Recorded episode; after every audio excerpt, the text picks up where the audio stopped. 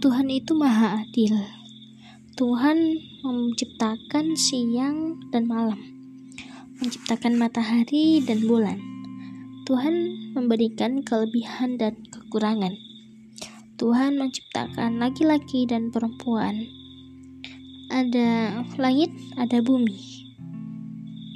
Dan masih banyak pasang-pasangan lain diciptakan oleh Tuhan.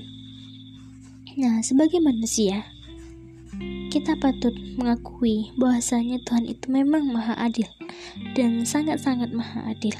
Kenapa demikian? Karena Tuhan telah menata kehidupan kita sedemikian rupa. Telah ditetapkan di atas kuasanya. Tugas kita sebagai hamba adalah mengakui bahwasanya Tuhan itu memang maha adil dan yakin bahwasanya kita itu sudah mendapatkan keadilan Tuhan.